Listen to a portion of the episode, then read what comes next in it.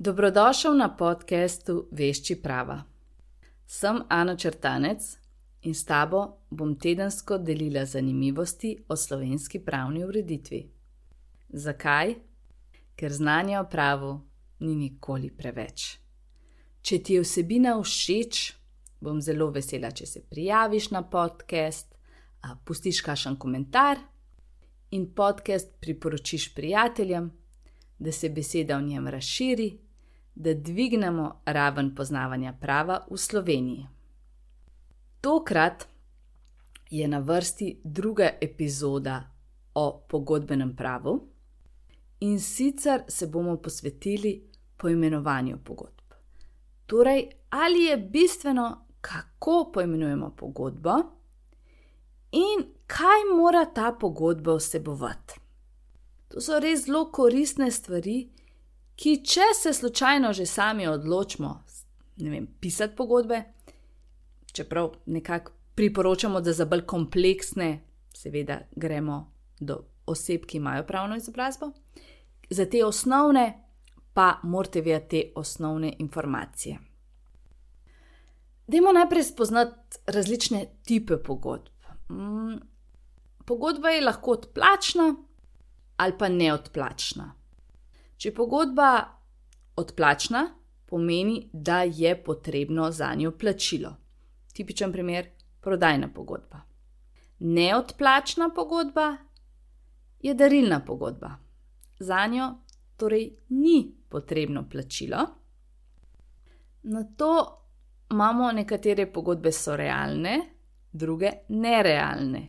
Sliši se fulhecen, nerealna pogodba, ampak gre za gre za to, da pri realni pogodbi je že, da za to, da je pogodba sklenjena, potrebna izpolnitev. Naprimer, pridarilna pogodba je taka, da izročimo predmet.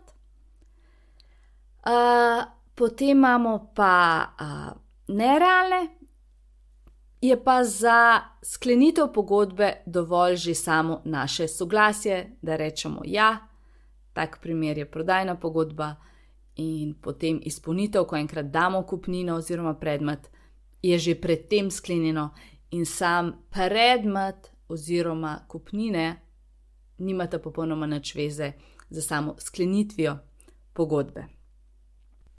Potem imamo tipizirane pogodbe in netipizirane. Tipizirana pogodba je naprimer pogodba o prodaji, o naročniškem razmerju za mobitel. Mi sam pristopimo k temu, mi ne moramo sooblikovati, mi ne moramo reči, jo, jaz bi pa rad, da je mal drugače, enostavno tako ne gre, mi sam pristopimo ali pa ne pristopimo. Če pa ne tipizirana pogodba, pa lahko sami oblikujemo pogodbo, se z drugo stranko dogovarjamo, jaz bi rajš to, jaz pa to, se v vseh aspektih dogovorimo z drugo stranko. In zelo pomembna je tudi uh, delitev na oblične in neoblične pogodbe. Neoblična je, da ni potrebna nobena posebna oblika, za oblično pogodbo je potrebna neka oblika, naprimer pisna oblika. No, in zdaj, a je bistveno to poimenovanje? Vsekakor da ne. Bistveno je, kaj je pogodba po sami vsebini. Naj vas torej ne bo strah, da če boste sami pisali, da boste zamešali ti pogodbe, ker obveljalo bo to, kar je po sami vsebini. Poglejmo na primeru, če bi mi rekli, mi sklepamo prodajno pogodbo in se dogovorimo, da bomo dali vem, eno kolo za drugo kolo, to ni prodajna pogodba, to je menjalna pogodba. In kljub temu, da bi mi v besedilu napisali prodajna pogodba, bi to veljalo, da je menjalna pogodba, ker pri prodajni pogodbi mora biti obvezno neko plačilo, neko denarno plačilo, neka kupnina. In zdaj, kaj sploh potrebujemo, da je pogodba veljavno sklenjena? Morajo obstajati štiri predpostavke, in izpolnjene morajo biti vse štiri hkrati. Že če ena manjka, pogodba ne more biti veljavno sklenjena. Prva taka predpostavka, to je, to je nekakšen strokoven izraz, ker lahko bi rekli, govorili tudi um, poljudno o nekem pogoju, ampak pogoj je v pravu čistma nek drug pomen. Tako da v pravu govorimo o predpostavkah, da je sploh neka pogodba sklenjena. Obe dve stranki morata biti pravno in poslovno sposobni.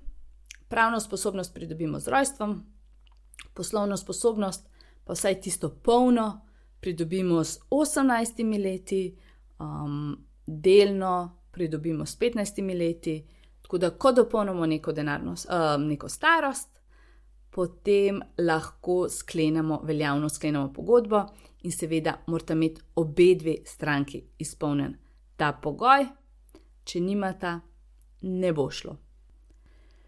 Drugi pogoj je ta, da um, mora biti predmet mogoč, pa mora biti dopusten, ne sme biti nekaj nelegalnega, naprimer um, heroin, droga, ne? to ne more biti predmet pogodbe.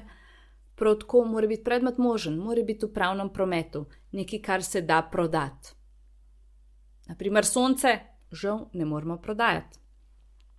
Tretji pogoj je ta, da um, moramo imeti soglasje volj, torej obe dve stranki morata soglašati za ta pravni posel, moramo imeti soglasje volj o bistvenih sestavinah, o nebistvenih pa ne sme biti nesoglasja.